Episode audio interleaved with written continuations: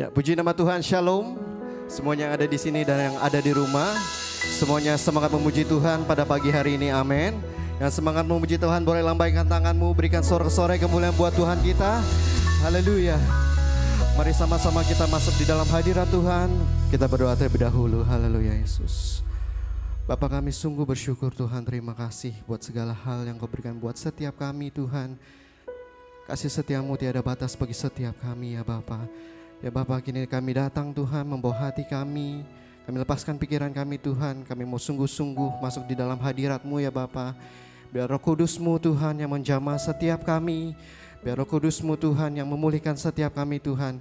Dan kami mau fokus hanya ke dalam tanganmu Memuji engkau Tuhan nama di atas segala nama. Kami percaya Tuhan engkau yang memimpin ibadah kami Tuhan Dari awal hingga akhirnya kami serahkan semua ke dalam tanganmu. Mari sama-sama kita percaya katakan. Amin. Sekali lagi berikan tepuk tangan yang paling meriah buat Tuhan kita. Sama-sama kita bangkit berdiri. Sama-sama kita memuji Tuhan. Haleluya. Hey. Semuanya bertepuk tangan buat Tuhan kita. Sebab kasih setiamu selalu baru bagi setiap kami Yesus.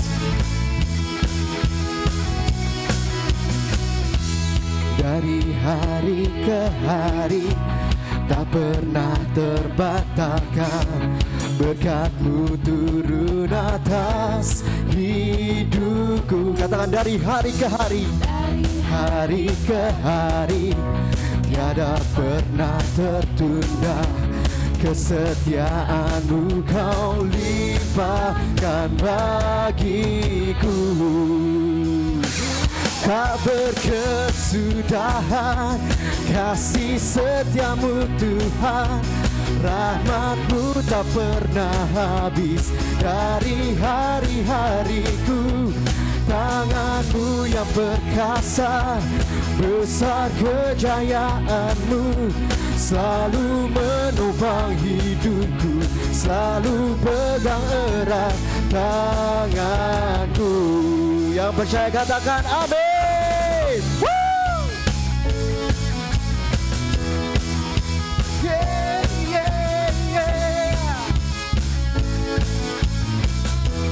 Sama-sama katakan dari hari ke hari. Dari hari ke hari Tak pernah terbatalkan Berkatmu turun atas hidupku Dari hari ke hari.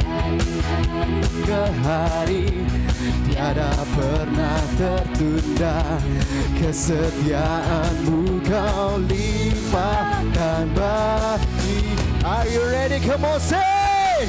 Tak berkesudahan Kasih setiamu Tuhan Rahmatmu tak pernah habis.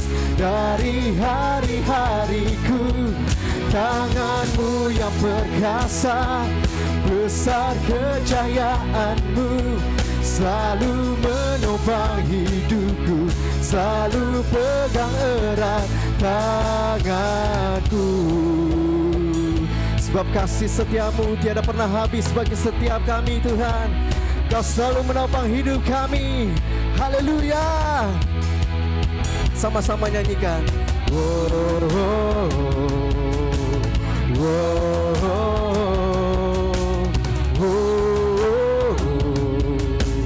wow. Lebih keras lagi katakan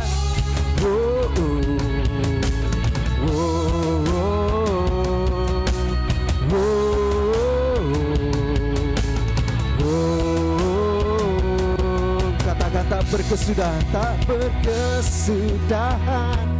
Kasih Rahmatmu tak pernah habis. Dari hari-hariku Tanganmu yang perkasa Besar kejayaanmu Selalu menopang hidupku Selalu pegang erat tanganku Tak berkesudahan Tak berkesudahan. Kasih setiamu Tuhan. Rahmatmu tak pernah habis. Dari hari-hariku Tanganmu yang perkasa. Besar kejayaanmu Selalu menopang hidupku Selalu pegang erat tanganku. Berikan sorak-sorak kemuliaan buat Tuhan kita Yang paling dahsyat. Haleluya! Haleluya Haleluya. Semuanya bersuka cita amin. Amin. Sama-sama kita duduk kembali. Kita memuji Tuhan lebih dalam lagi. Haleluya Haleluya Yesus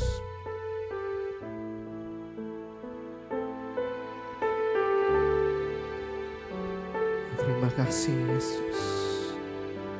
Haleluya. Engkaulah jalan yang sempurna, janjimu murni bagai emas perak, perisai perlindungan keselamatan. Ku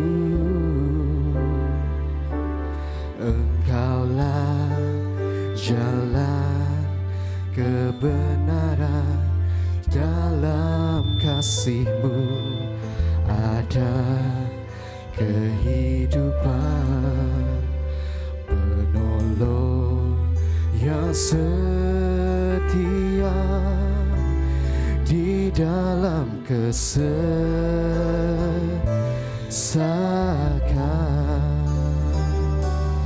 Bagaikan langit yang membentang begitu luas kasih Tuhan tiada terhitung pertolonganmu dalam hidupku.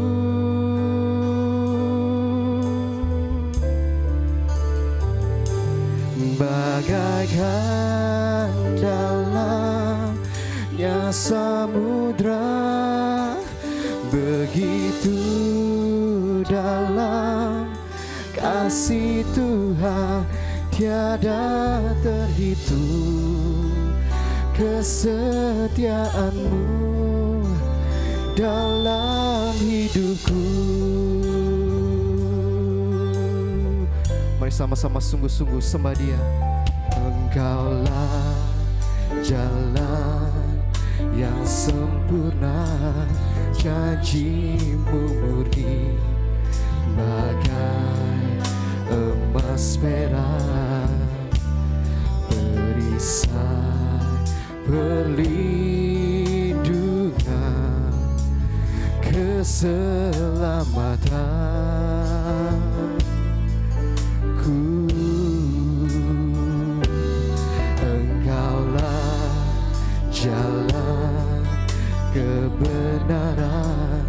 Dalam kasihmu ada kehidupan. Penolong yang setia dalam kesesakan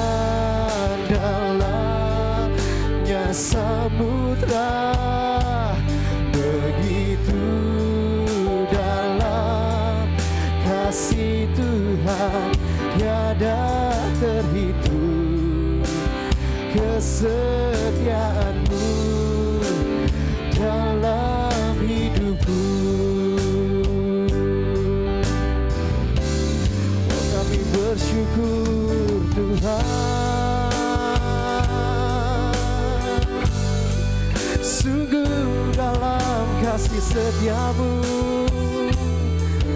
Sungguh luas kasihmu Bapa Oh,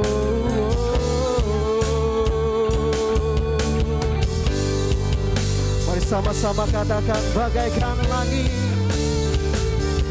Bagaikan langit yang membentang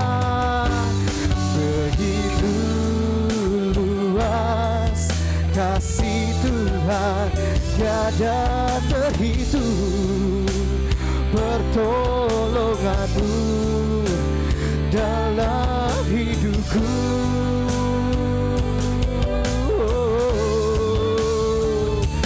Bagaikan dalamnya samudra begitu dalam dalam kasih Tuhan tiada terhitung kesetiaanmu dalam hidupku sekali katakan bagaikan langit yeah, yeah. bagaikan langit yang membentang begitu luas kasih Tuhan tiada terhitung pertolonganmu dalam hidupku di dalam hidup kami yeah. bagaikan dalamnya samudra begitu dalam kasih tiada terhitung kesetiaanmu dalam hidupku. Tiada terhitung kesetiaanmu Tuhan.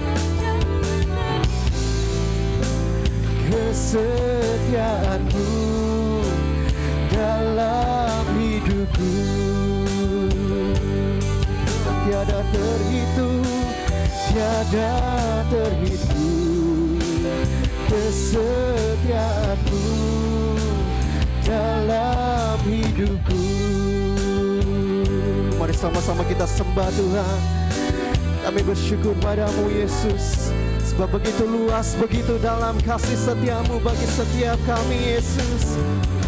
Kasihmu yang selalu baru, kasihmu yang tiada pernah habis bagi setiap kami Tuhan Pertolonganmu, anugerahmu Yesus. Oh, oh.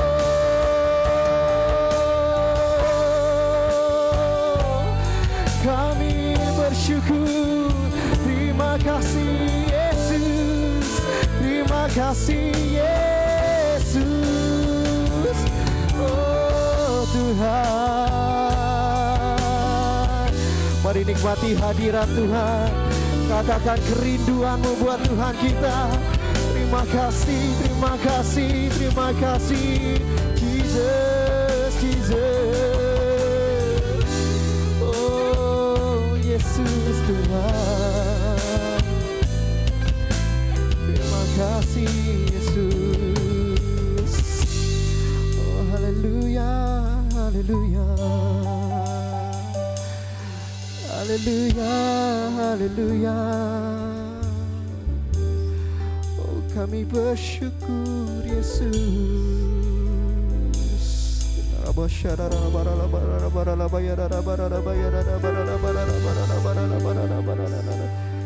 Kami butuh Engkau Tuhan. Lebih dari segalanya. Lebih dari segalanya Yesus Jesus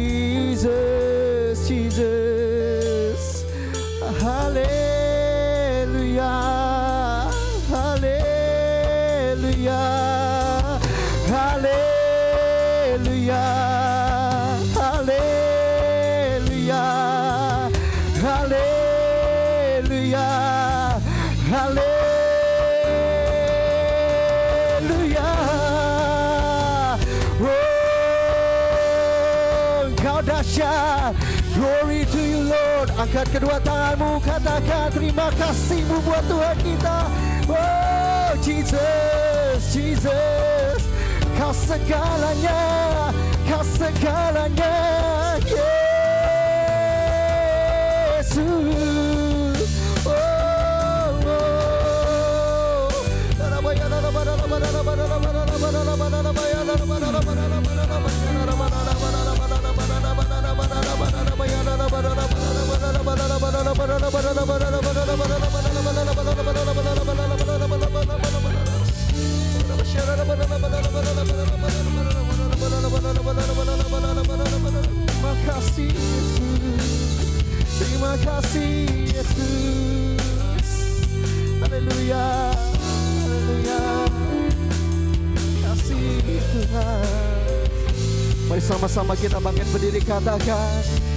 Yesus kau segalanya bagiku Tuhan dan Rajaku. Kasih sayangmu melimpah di dalam hidupku. Salibmu tebusku Bebaskanku Sembuhkan aku.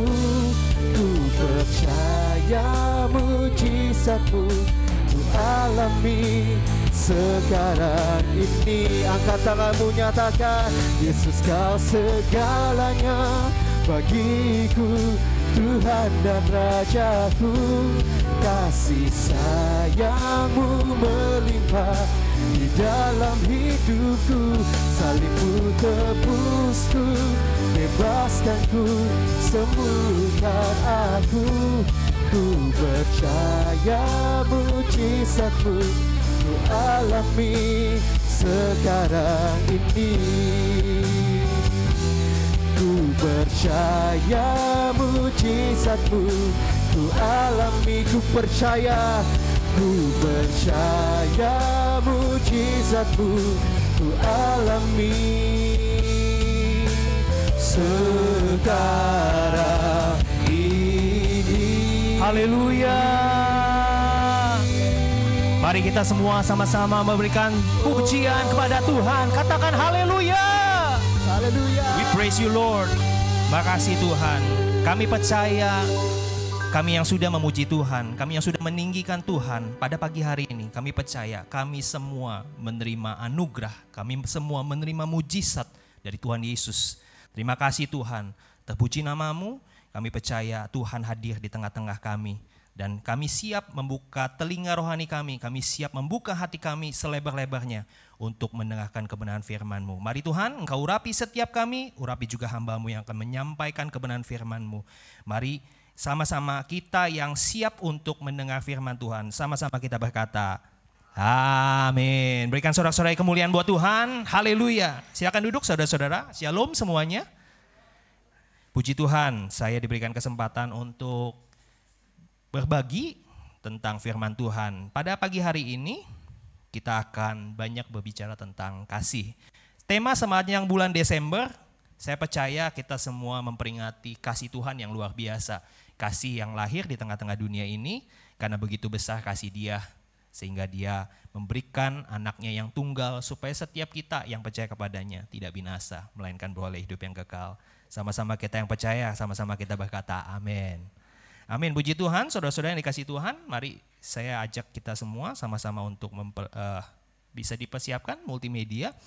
Saya pada kesempatan pagi hari ini saya akan berbagi kepada kita semua baik di jemaat yang ada di onsit maupun yang ada di online. Saya membawakan sebuah tema tentang bukan kasih biasa. Ya, karena sepanjang bulan Desember ini gereja di tempat ini berbicara tentang inovasi di dalam kasih, sebuah perubahan di dalam kasih, Saudara-saudara. Kalau saudara-saudara hadir pada ibadah yang kemarin dan menyimak apa yang disampaikan oleh hamba Tuhan uh, Pastor Ishak Rudi, dia berkata tentang seorang murid Kristus yang sejati. Kita itu dituntut untuk hidup sesuai dengan standar kasih Tuhan. Ya. Buktinya apa? Buktinya adalah menghasilkan karakter yaitu buah kasih. Ya, kita sudah menyimak itu minggu yang lalu yang dikotbahkan oleh hambanya. Pastor Ishak Rudi. Saya begitu diberkati Tuhan dan saya percaya hari ini adalah kelanjutan dari apa yang disampaikan oleh Pastor Ishak Rudi. Ya, saya mau mengatakan begini saudara-saudara, selalu mudah untuk seseorang mengasihi seseorang yang lain kalau seseorang itu memperlakukan kita dengan baik. Setuju? Yang setuju katakan iya. Iya. Kalau orang itu, orang di sekeliling kita mengasihi kita, pasti kita gampang mengasihi mereka. Begitu pula kalau mereka mengatakan sesuatu yang baik kepada kita, kita juga gampang mengasihi mereka, betul? Ya. Ya. Apabila mereka memperlakukan kita, mengatakan sesuatu yang baik, kemudian mengasihi kita, pasti mudah untuk mengasihi mereka kembali. Tetapi pertanyaan saya, bagaimana kalau orang tersebut tidak memperlakukan seperti apa yang kita mau? Tentu sulit bukan? Kalau kita mengatakan standar kasih Tuhan, itu pasti sulit saudara-saudara. Nah, saudara-saudara yang dikasih Tuhan, kalau kita berbicara tentang bukan kasih biasa, saya mau katakan, di dunia ini manusia sering kali membuat standar kasih mereka sendiri-sendiri. Mereka cenderung akan mengasihi orang-orang yang bisa mengasihi mereka. Mereka cenderung bisa berbuat baik kepada orang-orang yang berbuat baik dan mengatakan yang baik kepada mereka. Ya. Mereka mengatakan kasih tetapi sebatas mereka memberikan sebuah kriteria ini orang yang patut dikasihi, ini orang yang tidak patut untuk saya kasihi. Itulah standar manusia saudara-saudara. Makanya saya tulis standar kasih manusia berbeda dengan standar kasihnya Tuhan. Standar kasih Tuhan saya mau katakan bahwa love is not an emotion, but love is a decision. Sekali lagi saya katakan, love is not an emotion, but love is a decision. Maksudnya apa? Kasih itu bukan perasaan saudara-saudara. Ternyata bagi Allah, bagi Tuhan, kasih itu bukan sekedar apa yang kita libatkan mengenai perasaan suka atau tidak. Itu kan emosi ya saudara-saudara. Karena perasaan kita itu mudah berubah. Kalau mood kita baik, kita gak akan sangat mudah untuk mengasihi orang. Tapi kalau mood kita jelek karena seseorang, pasti kita sulit mengasihi mereka bukan? Tapi saya mau katakan bahwa love is not an emotion kata Tuhan. Love is a decision. Kasih itu adalah sebuah keputusan. Bukti standar kasih Allah adalah Yesus membuat sebuah keputusan. Bapa di surga membuat sebuah keputusan bahwa dia lahir ke dunia ini meninggalkan kenyamanan dan keindahan di sorga. Karena dia memilih. Ya, sorga itu kosong, itu nggak ada artinya buat dia dia rela datang ke dunia ini supaya saudara dan saya menikmati sorga bersama-sama dengan dia. Yang setuju berikan tepuk tangan yang meriah buat Tuhan kita. Haleluya, haleluya. Itulah bukti standar kasih Tuhan. Dia tidak mau surga kosong tanpa kita. Dia lebih memilih mengosongkan surga. Dia datang ke dunia untuk mengajak saudara dan saya untuk bersama-sama dengan dia. Amin. Amin.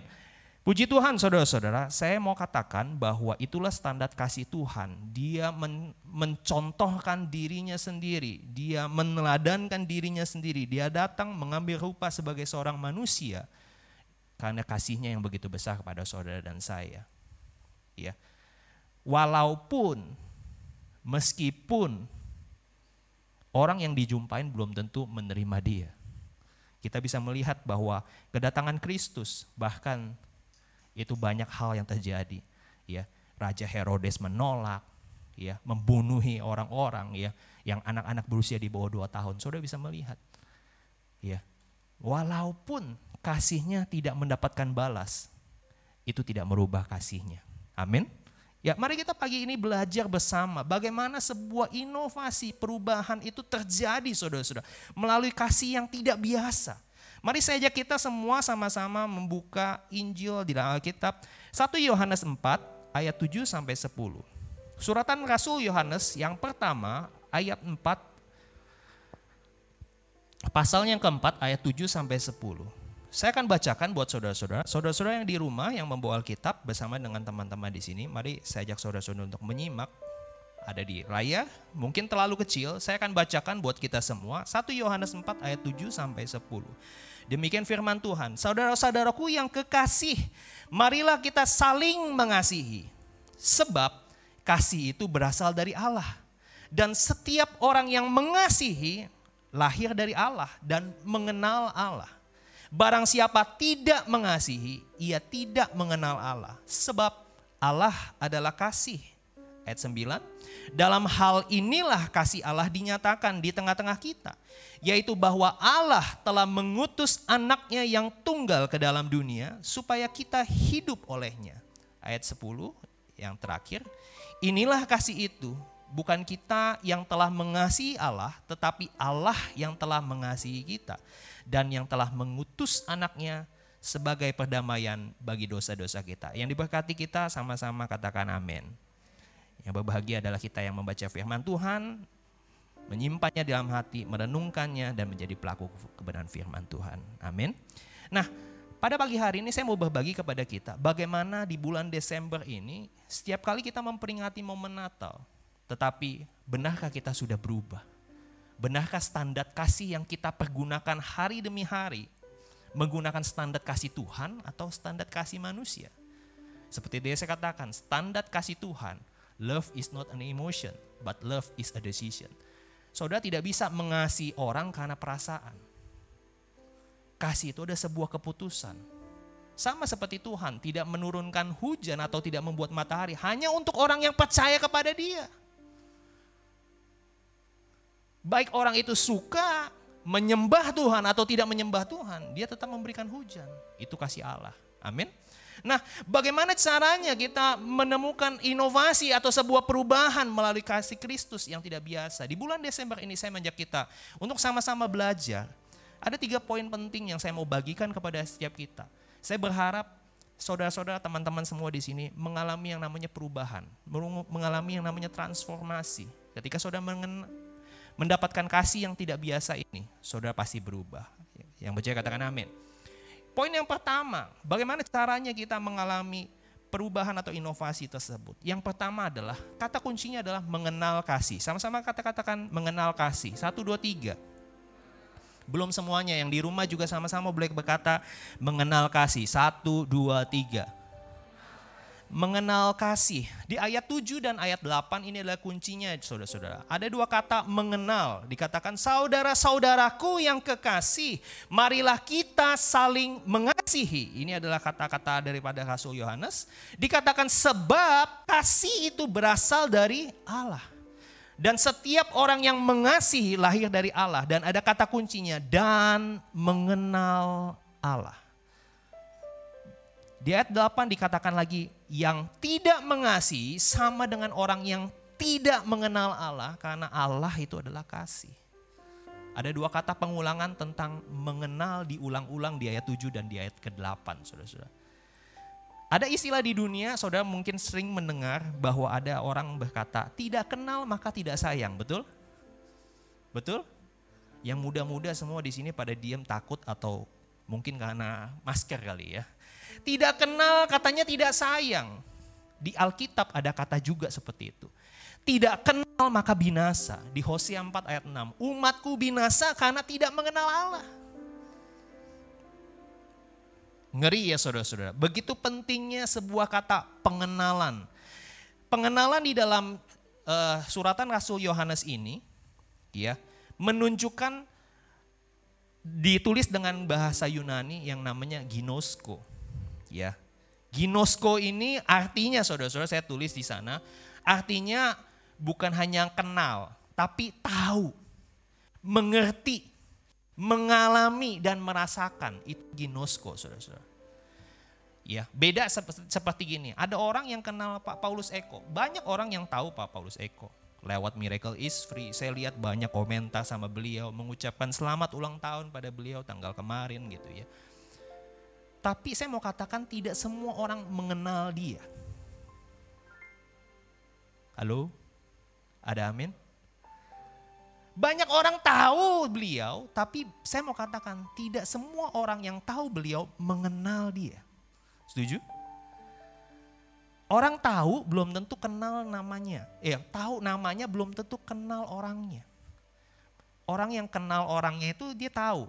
Jadi seperti ini saudara, kalau saudara tidak mengenal orang itu dengan baik, maka ada kemungkinan saudara bisa salah menilai sikap seseorang. Setuju nggak?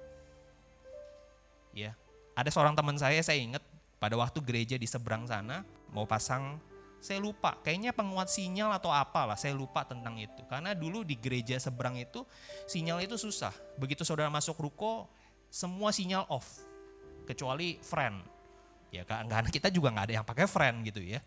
Nah singkat cerita saya panggil teman saya ini untuk konsultasi dan dia datang, dia melihat kemudian orang ini sempat saya dengar ceritanya dia ngomong begini, saya ketemu sama orang saya tanya katanya, Pak tahu nggak begini-begini? Dia tanya sama Pak Paulus gitu. Tahu saudara-saudara. Pak Paulus tuh jawabnya begini, lah kamu yang ahlinya kok tanya saya gitu. Gak salah alamat kah katanya. Lalu dia pulang, dia cerita sama saya, aduh saya diomelin sama orang-orang itu katanya. Saya tanya siapa? Itu yang jaga gereja. Loh yang jaga gereja cuma Pak Gembala saya doang saya bilang. Orang itu nanya, itu siapa galak banget saya diomel-omelin katanya. Saya cuma tanya katanya. Saya malah dibalikin tanya, kamu ahlinya kenapa kamu tanya sama saya? Sampai dia tanya sama saya, serem sekali katanya. Itu siapa Fen? Itu pendeta saya. saya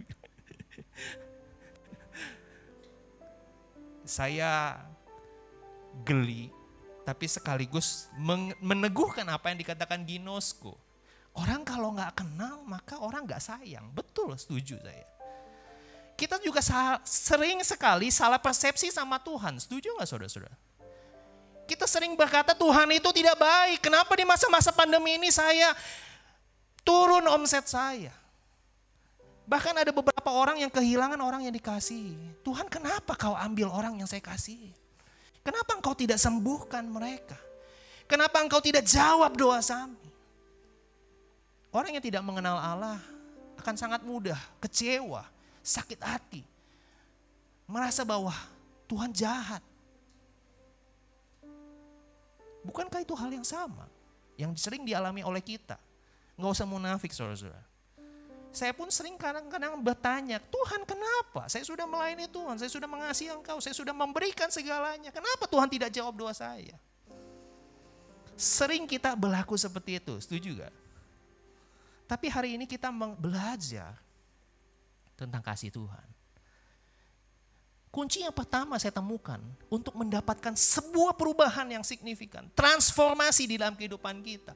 Tidak lain tidak bukan, poin yang pertama yang harus saudara lakukan adalah kenalah Allahmu. Ginosku dengan dia. Ginosku di sini artinya mengetahui, mengerti jalan pikirannya, mengalami kasihnya, merasakan kasihnya. Kalau engkau sudah mengenal dia, maka engkau tidak mudah kecewa. Kalau engkau mengetahui rancangan dia lebih tinggi daripada rancanganmu, engkau akan bisa berkata, Tuhan tetap baik. Sekalipun rencanamu tidak seturut dengan apa yang kau pikirkan, namun percayalah bahwa rancangan dan rencananya akan mengantarkan engkau kepada hari depan yang penuh dengan harapan. Itulah ginosko saudara-saudara perubahan terjadi ketika sebuah kunci pertama saudara alami. Saudara harus merasakan, mengetahui, mengalami lebih dahulu kasih yang tidak biasa itu. Kasih itu adalah Kristus. Bukan Allah yang itu punya sikap mengasihi. Ya. Kasih itu adalah Allah. Allah itu kasih, dibalik-balik sama. Kasih itu Allah, Allah itu kasih. Jadi saudara harus mengalami dia terlebih dahulu. Saudara tidak bisa mengasihi orang tanpa syarat kalau saudara tidak mengalami kasih Tuhan itu. Saudara pasti menggunakan kasih manusia kalau saudara tidak mengenal dia sungguh-sungguh. Saudara akan sulit berkata saya mengampunimu 70 kali 7 kali. Itu sulit saudara. Kalau kalau saudara tidak mengenal dia. Bukankah dia Allah yang setia? Berapapun saudara melakukan kesalahan, dia selalu seperti Bapa yang menunggu anak yang bungsunya untuk pulang kepada dia. Berikan saudara-saudara kemuliaan yang luar biasa. Haleluya. Seseorang yang memiliki latar belakang yang sangat membenci dan menganiaya. Seorang di perjanjian baru yang namanya Saulus mengalami sebuah perubahan yang radikal. Menjadi seorang rasul yang menulis dua per tiga kitab di dalam perjanjian baru. Karena kuncinya saya temukan satu bukan karena kehebatan dan kepintarannya. Dia pintar luar biasa. Dia seorang Israel yang sejati. Tapi kenapa dia bisa berubah dari seorang penganiaya menjadi seorang rasul yang hebat? Saya temukan cuma satu kuncinya. Dia mengenal Tuhan. Amin. Bahkan dia berkata, hidupku katanya karena bagiku hidup adalah Kristus. Mati pun ada sebuah keuntungan luar biasa. Saudara -saudara. Orang yang seperti ini yang kata Pak Gembala bilang, berani mati, berani hidup. Jangan menjadi orang yang cengeng saudara-saudara. Baru diputusin sekali. Aduh, hancur duniaku. Lebih baik aku menggantung diri di pohon toge. Gak mati saudara-saudara. Jadi saya mau simpulkan, mengenal itu ada sebuah bahan bakar yang membuat kita berkobar-kobar dalam melakukan segala sesuatu. Ada sebuah cerita saudara-saudara, saya tutup dengan cerita ya di poin satu ini. Alkisah seorang tukang kayu yang tua, sudah bekerja puluhan tahun. Dia mulai merasa tubuhnya sudah tua untuk bekerja dan dia cepat capek. Lalu dia memantapkan diri untuk berbicara kepada atasannya, bosnya, tentang rencana untuk pensiun. Mendengar rencana pensiun ini bosnya menjadi sedih sekali karena tukang ini, tukang kayu ini adalah tukang kayu yang sudah bekerja puluhan tahun dan hasil kerjanya sangat memuaskan. Lalu ketika si tukang kayu ini terus menerus mendesak dia mau pensiun dan mau istirahat kepada bosnya. Bosnya langsung mengatakan seperti ini. Dia berkata seperti ini, oke okay, kamu boleh pensiun tapi saya minta satu hal yang saya harus kamu kerjakan dan jangan tolak ini. Apa Pak? Saya minta kamu mengerjakan saya sebuah rumah. Lalu pada saat dia mendengar itu, tukang itu menjadi jengkel.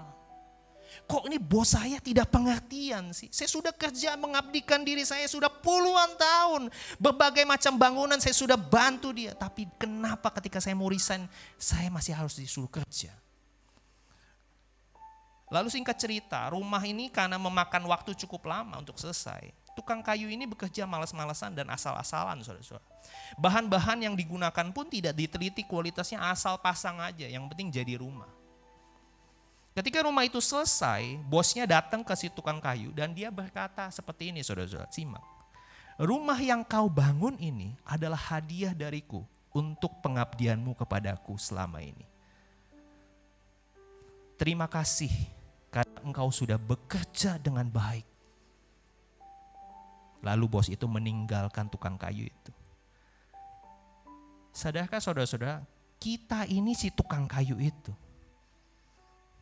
Kita ini sering menyia-nyiakan setiap talenta dan pemberian Tuhan di dalam kehidupan kita. Kita karena kita menganggap itu biasa.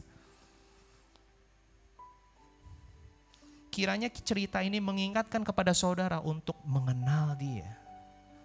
Saudara tidak akan mudah kecewa kepada Tuhan. Ketika saudara di, diminta mengerjakan sesuatu, saudara melakukannya dengan gairah. Karena saudara mengenal dia. Amin. Saudara saya mau kasih tahu, dia Tuhan yang tidak pernah berhutang pada saudara. Apa sih yang dia pernah hutang dalam hidup saudara? Saudara bilang saya sudah melayanin, dia sudah melayanimu lebih dahulu. Jangan ngomong kau melayani saudara. 2000 tahun yang lalu dia sudah lebih dahulu melayani kita. Apa yang kita mau katakan? Amin. Yang kedua, poin yang pertama adalah mengenal kasih. Poin yang kedua adalah menyatakan kasih. Satu, dua, tiga kita katakan bersama. Satu, dua, tiga. Di ayat yang ke-9 dikatakan dalam hal inilah kasih Allah dinyatakan di tengah-tengah kita. Yaitu bahwa Allah telah mengutus anak yang tunggal ke dalam dunia. Saudara-saudara yang dikasih Tuhan, ada sebuah kata dinyatakan dan dinyatakan ini menggunakan kata yang menarik namanya fanero. Gerika, Yunani, saudara-saudara. Fanero. Sama-sama dengan Fanero. Fanero itu adalah membuat sesuatu yang tidak nyata menjadi nyata. Membuat sesuatu yang tidak terlihat menjadi terlihat. Itulah Fanero. Ya. Orang mengatakan ilusi, tetapi ketika itu menjadi nyata, seperti magician, saudara tahu ya, sepertinya tidak ada apa-apa, tahu-taunya ada burung dari dari topi. Itu seperti Fanero, saudara-saudara membuat seolah-olah sesuatu yang tidak ada termanifestasi, bisa muncul tiba-tiba. Make actual and visible and realize. Itulah Vanero. Saudara yang dikasih Tuhan, ada se sebuah lagu yang indah yang dinyanyikan oleh seorang yang namanya John Mayer. Saudara kalau demen lagu John Mayer, ada satu lagu yang salah satu liriknya begini, Love is a verb, it ain't a thing. Kasih itu adalah sebuah kata kerja, bukan kata benda. Kalau kasih itu di dalam kehidupan kita hanya kata benda, maka saya mau katakan kasihmu adalah kasih yang palsu. Kasih yang omdo, nato, no action, talk only. Orang Kristen begitu fasih dan banyak bercerita tentang kasih. Tapi nggak semua orang percaya bisa melakukan kasih. Nah hari ini di bulan Desember, saya mau berkata bahwa Yesus bukan hanya sekedar berkata-kata dan berjanji kepada saudara. Dia bukan hanya bercerita dan mewacanakan tentang kasih Tuhan yang begitu besar. Tapi dialah manifestasi kasih Allah itu sendiri. Dia datang ke tengah-tengah dunia ini itu adalah bukti kasihnya kepada saudara dan saya.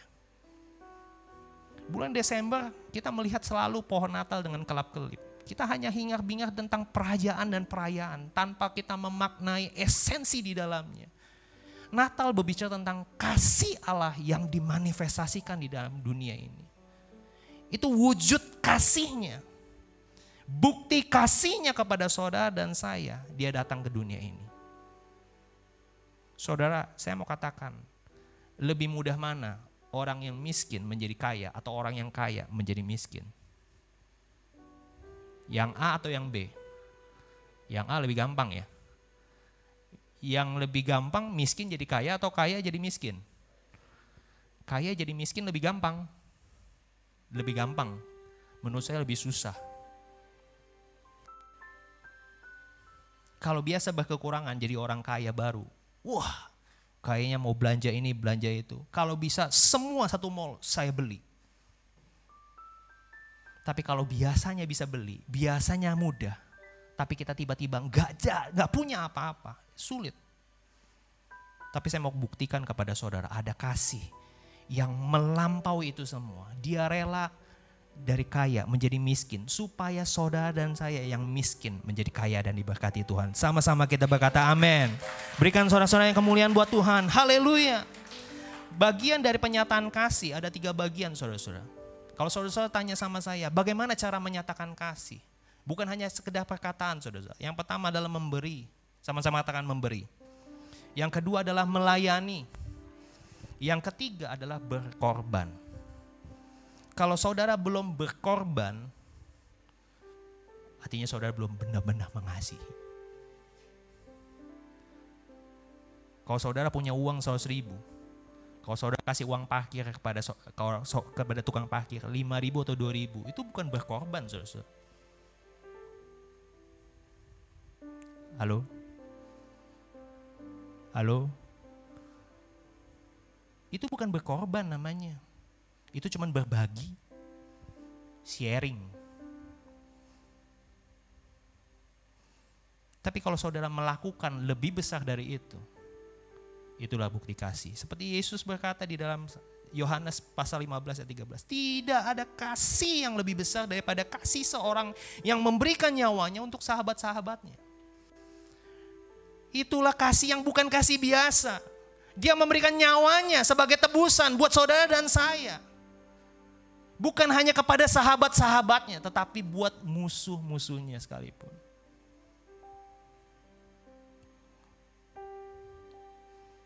Contoh di perjanjian lama adalah seorang janda di Sarfat. Ketika dia didatangi oleh seorang nabi, Nabi Elia. Nabi Elia meminta roti kepada janda itu. Tahu kan saudara, dia janda itu punya kekurangan. Dia cuma punya sedikit minyak dibuli-buli dan sedikit tepung untuk membuat roti. Dia sedang mengambil batu uh, apa kayu bakar untuk membuat kue. Dia ngomong, habis makan aku dan anakku besok mati. Saudara bisa bayangin seperti hal-hal seperti itu. Betapa kekurangannya janda Sarfat ini. Tapi saudara-saudara, lihat apa yang menjadi respon janda ini. Ketika Elia datang kepadanya, buatkan dulu kepadaku, kasih aku makan, maka engkau akan menerima tepung dan minyak tidak akan kurang dari buli-bulimu. Saudara saya mau membuktikan seorang yang menyatakan kasih kepada Tuhan. Sekali lagi, Tuhan tidak pernah berhutang kepada orang tersebut. Amin. Ketika dia memberikan semuanya, roti dan minyak sekali lagi, dia cuma buatin yang kecil, tapi dia memberikan semua miliknya. Itu resiko loh saudara-saudara. Kalau saya kasih makan ke orang ini, bisa saja saya kelaparan dan mati. Kan mendingan saya makan, lalu saya mati. Matinya kan kenyang. Betul nggak saudara-saudara? Tapi kalau saya berbagi, saya kasih sambat Tuhan ini, kan saya lapar. Besok saya makan apa? Mati saya. Matinya dalam kelaparan. Tapi luar biasanya janda Safat ini melakukan kasih itu. Dia kasih yang terbaik saya mau katakan, jangan pernah hitung-hitungan sama Tuhan. Karena Tuhan bisa memberkatimu jauh melebihi dari apa yang kau pikirkan. Berikan sorak-sorai kemuliaan buat Tuhan. Haleluya. The greatest demonstration of God's love was his gift of his only son. Kasih yang terbesar yang dipertontonkan kepada seisi dunia ini hanya satu. Ketika Tuhan Yesus lahir di tengah-tengah dunia ini itu adalah hadiah Natal yang terbesar dalam kehidupan manusia. Amin. Jadi mari sama-sama kita sambut Natal. Natal berbicara tentang kasih yang dimanifestasikan. Ayo kita orang percaya juga sama-sama memberikan kehidupan kita kepada orang-orang sekeliling kita. Jangan pernah memandang si A, si B, si C. Lakukan kasih itu. Gak usah pilih-pilih. Saya pun ketika mendengarkan ini juga bukan artinya saya sempurna, tidak tapi ayo kita jauh lebih baik. Amin. Yang ketiga, yang terakhir, Kunci yang ketiga untuk mengalami inovasi di dalam kasih adalah fokus pada kasih. Kita sama-sama katakan satu, dua, tiga. Dikatakan di ayat 9b, supaya kita hidup olehnya dan inilah kasih itu bukan kita yang mengasihi Allah, tapi Allah yang telah mengasihi kita dan telah mengutus anaknya sebagai perdamaian bagi dosa-dosa kita. Bukan engkau yang memilih dia, tapi dia yang memilih engkau. Jadi beruntunglah saudara-saudara yang duduk di tempat ini, saudara-saudara orang-orang pilihan. Katakan ke kanan kirimu yang di rumah juga, katakan engkau adalah orang pilihan. Enggak semua orang dipilih saudara-saudara, tapi saudara adalah orang-orang pilihan. Dan sebagai orang-orang pilihan, pesan yang ketiga, supaya saudara mengalami transformasi memasuki tahun 2022, supaya kehidupan kekristenanmu tidak gitu-gitu doang. Fokuslah kepada kasih. Karena kasih itu punya sebuah tujuan. Ditulis di dalam bahasa Gerika, supaya itu adalah hinah. Hinah, sama-sama katakan hinah Hinah itu punya purpose, punya tujuan. Dikatakan kasih itu punya tujuan. Kasih itu mau melihat sesuatu yang diinginkan. Kadang kita selalu selalu berpetok berpatokan pada iman. Iman, iman. Untuk mendapatkan sesuatu, saudara harus beriman. Untuk mendapatkan sesuatu, bertujuan sesuatu, saudara harus beriman. Saya mau katakan, ada satu level di atas daripada itu. Hinah fokuslah kepada kasih, fokuslah kepada Allah. Saudara saya yang dikasih Tuhan, Tuhan datang ke dunia ini punya sebuah tujuan, tidak lain tidak bukan untuk menyelamatkan saudara dan saya. Sebuah privilege yang luar biasa, Natal itu berbicara bukan hanya saudara orang pilihan. Malaikat juga jatuh. Ingat, kejatuhan manusia pertama kali bukan hanya manusia, Adam dan Hawa berdosa, tapi ada satu oknum juga yang juga berikut dilemparkan, yaitu iblis. Tapi saudara pernah bertanya nggak, kenapa Tuhan tidak menebus malaikat? Kenapa Tuhan tidak menebus Lucifer? Kenapa dia tidak mengizinkan Lucifer untuk bertobat? Jawabannya hanya satu, karena saudara dan saya adalah berharga di mata dia. Kok cuma sedikit ya? Yang katakan berharga katakan amin saudara-saudara. Saudara dan saya berharga saudara-saudara. Fisik bisa lelah. Saat kita mengiring Tuhan, saat kita mengikut Tuhan, kadang ada hal yang membuat iman kita atau pengharapan kita up and down, up and down, up and down. Ketika kita melihat sesuatu yang saat-saat kayak ini, pandemi di depan mata kita, belum usai ada Omikron. Konon katanya bisa jadi di lockdown keadaan menjadi sebuah simpang siur yang tidak pasti, saudara-saudara. Begitu mengerikan. Tapi saya mau katakan, walaupun keadaan bisa berubah, walaupun iman dan pengharapan kita bisa up and down, saya mau katakan satu hal yang perlu saudara ingat. Kasih Allah tidak pernah berubah. Berikan tepuk tangan yang meriah buat Tuhan. Ketika saudara fokus kepada kasih yang tidak pernah berubah itu, maka saudara bisa punya energi untuk bangkit. Punya sebuah kekuatan untuk melakukan yang namanya taat. Sama-sama katakan taat. Mustahil bisa taat kalau tidak mengasihi. Mustahil saudara berkenan di hadapan Tuhan kalau saudara tidak mengasihi dia. Maka untuk itu yang ketiga, saya mau katakan taat.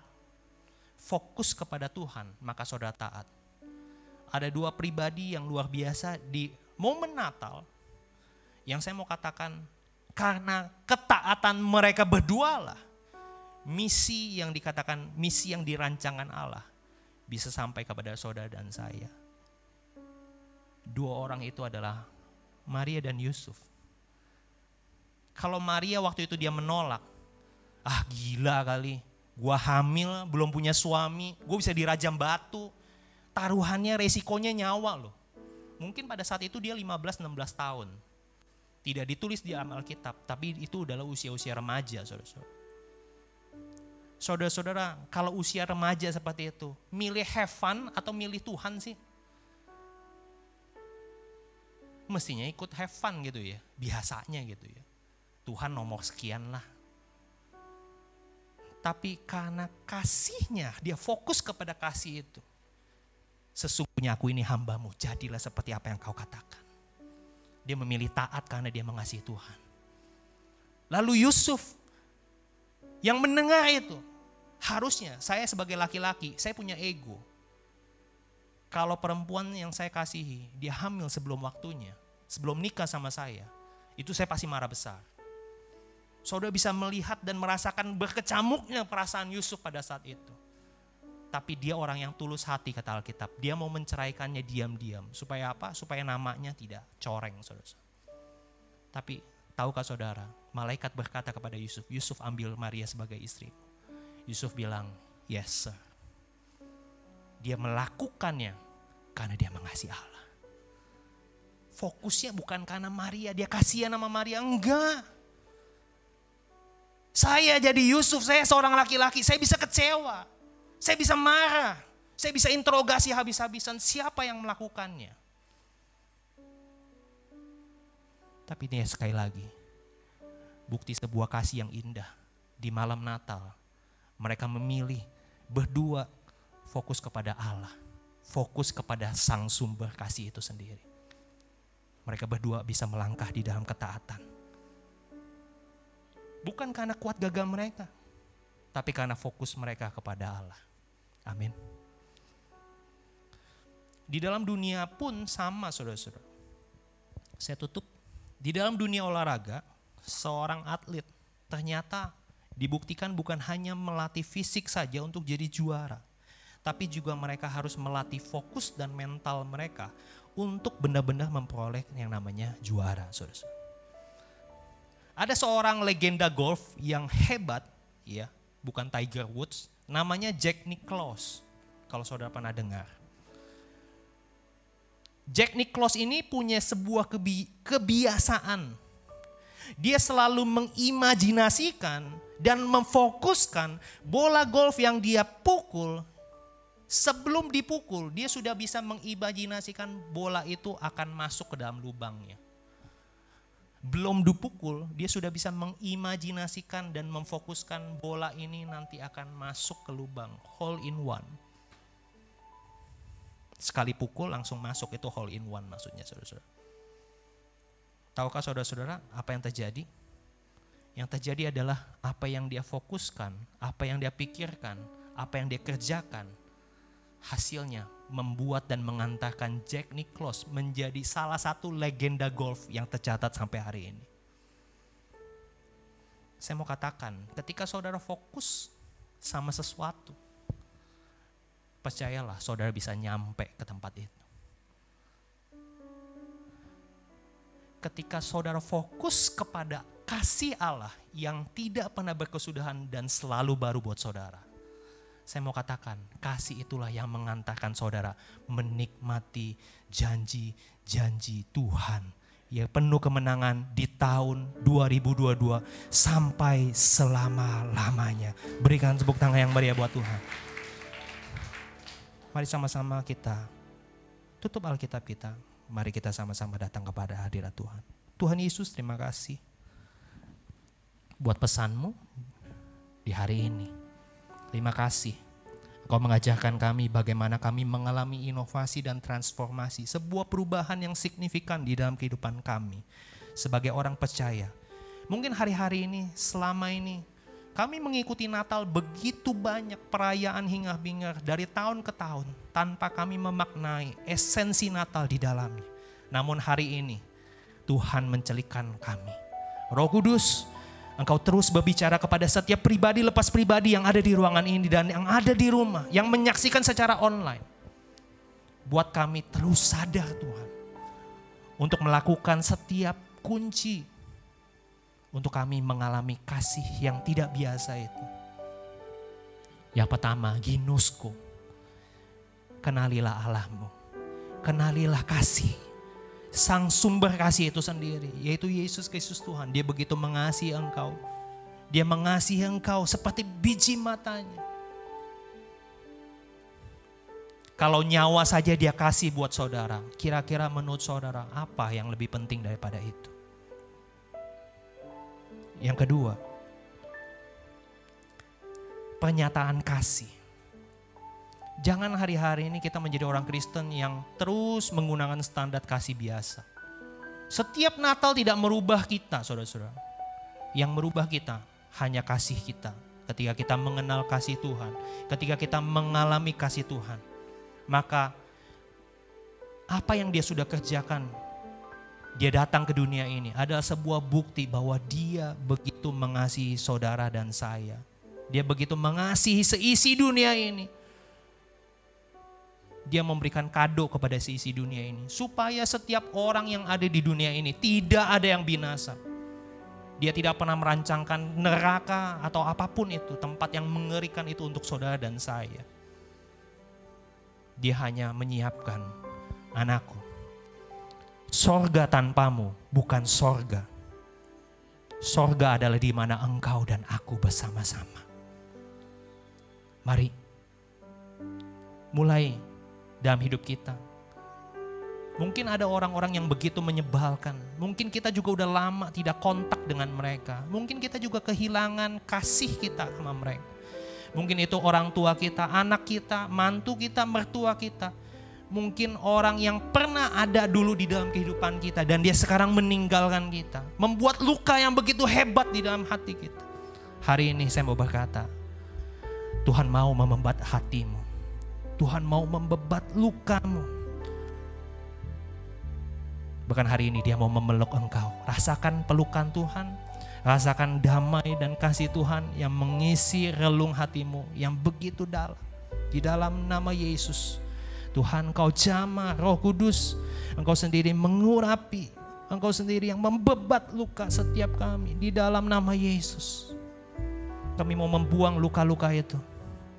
Kami mau menanggalkan itu semua di bawah kaki Yesus.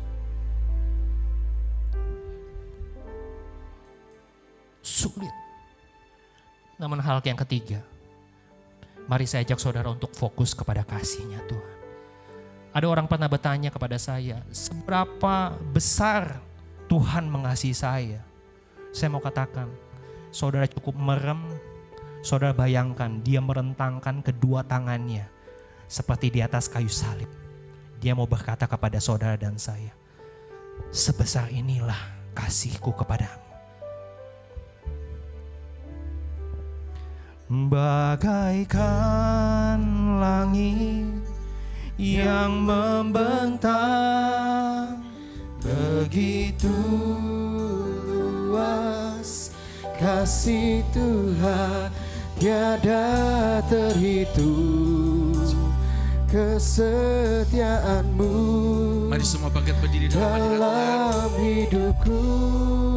Yang di rumah. Juga semua bangkit berdiri. Oh, haleluya. bagaikan Angkat tangan kanan. dalamnya samudra begitu dalam kasih Tuhan tiada terhitung kesetiaanmu dalam hidupku Tiada terhitung. tiada terhitung kesetiaanmu dalam hidupku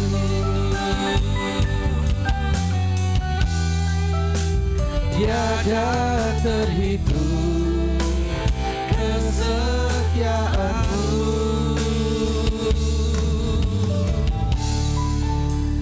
dalam hidupku Mari semua tepuk tangan yang paling meriah. Yang di rumah juga tepuk tangan virtual. Lebih meriah. Lebih lagi untuk Tuhan. Haleluya. Sejenak mari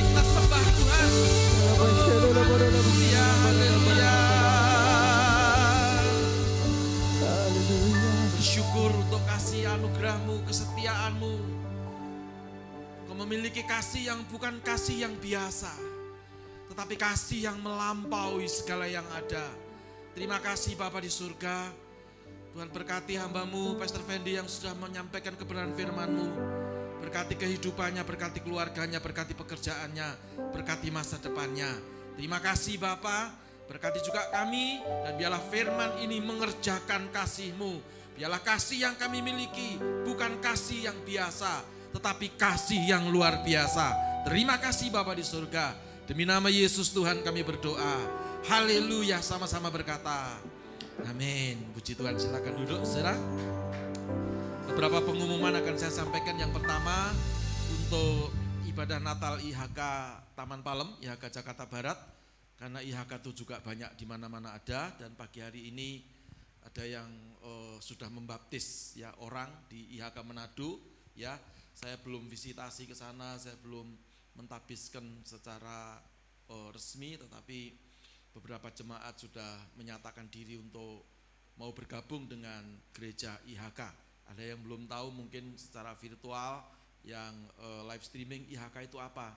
Apa gereja dari Hong Kong atau gereja dari sana Tiongkok? Bukan ya, tapi ini gereja dari Tuhan. IHK itu iman harap kasih. Hari ini sudah ada baptisan air ya di Kota Manado dua orang yang menyatakan percaya kepada Tuhan Yesus. Beri tepuk tangan yang paling meriah untuk Tuhan kita yang dahsyat. Dan eh, IHK Jakarta Barat ini akan mengadakan uh, Natal, ya perayaan Natal sederhana itu minggu depan ya, tanggal 26 Desember uh, jam 10 pagi secara on-site dan juga secara online ya. On-site-nya kita batasi hanya 50 orang, Ya kalau lebih nanti kita akan bagi ruang bawah dan ruang atas ya.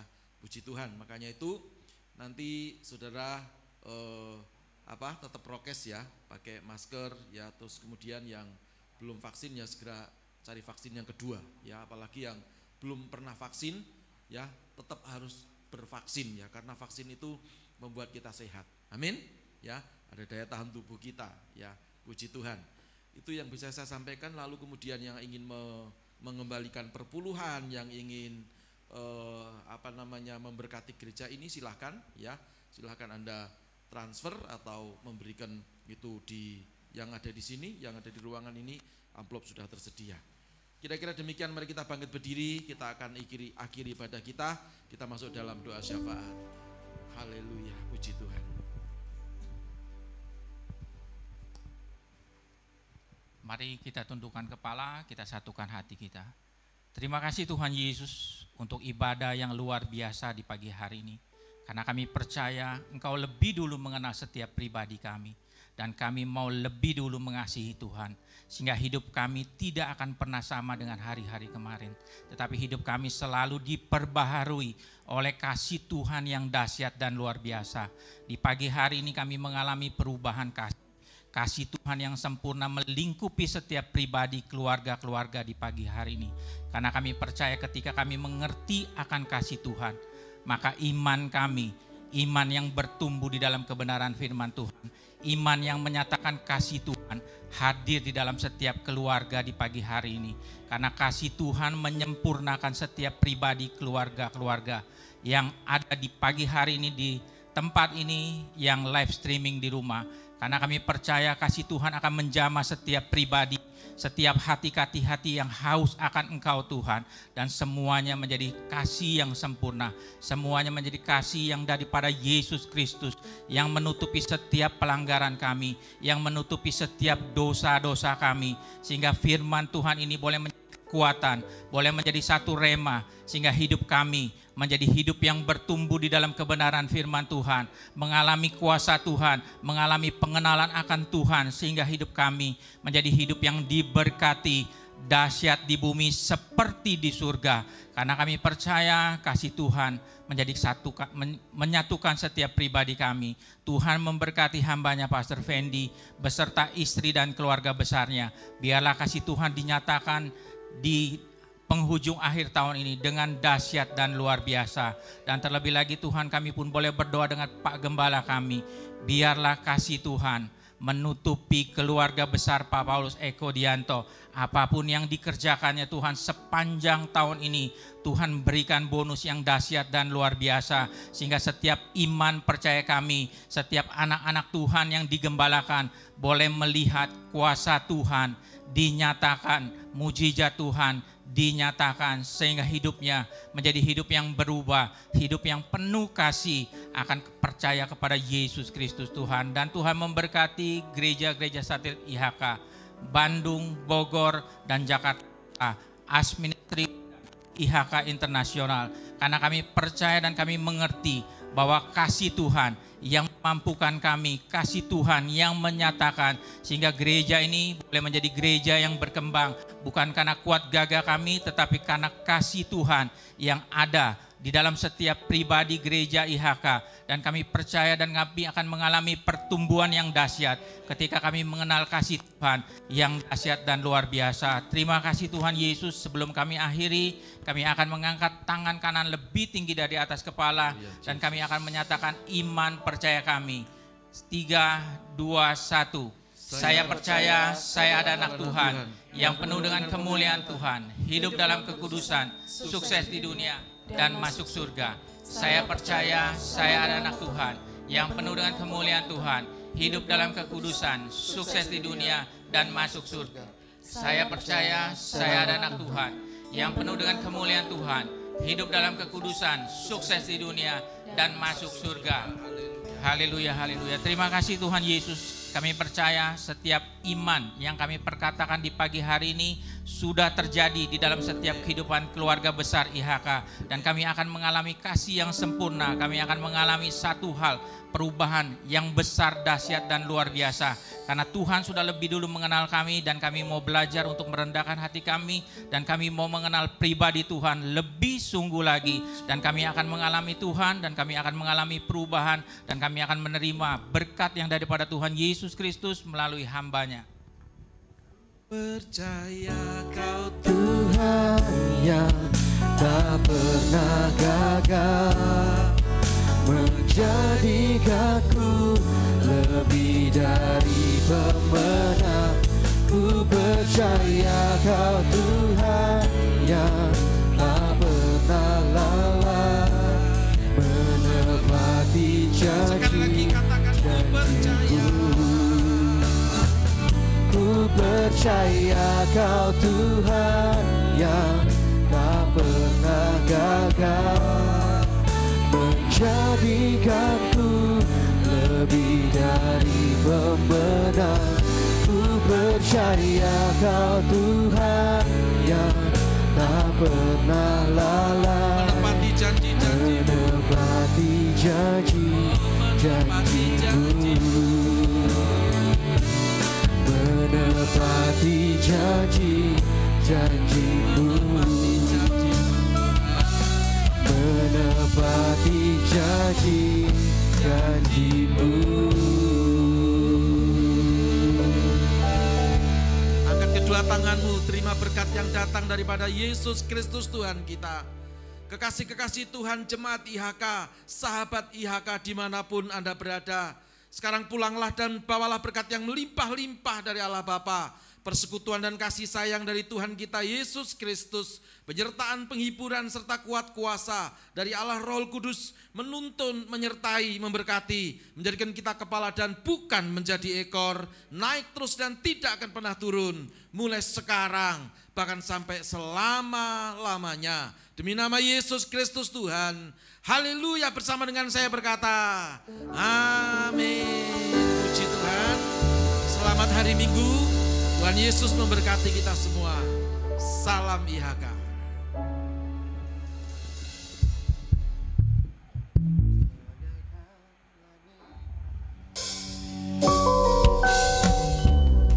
Oh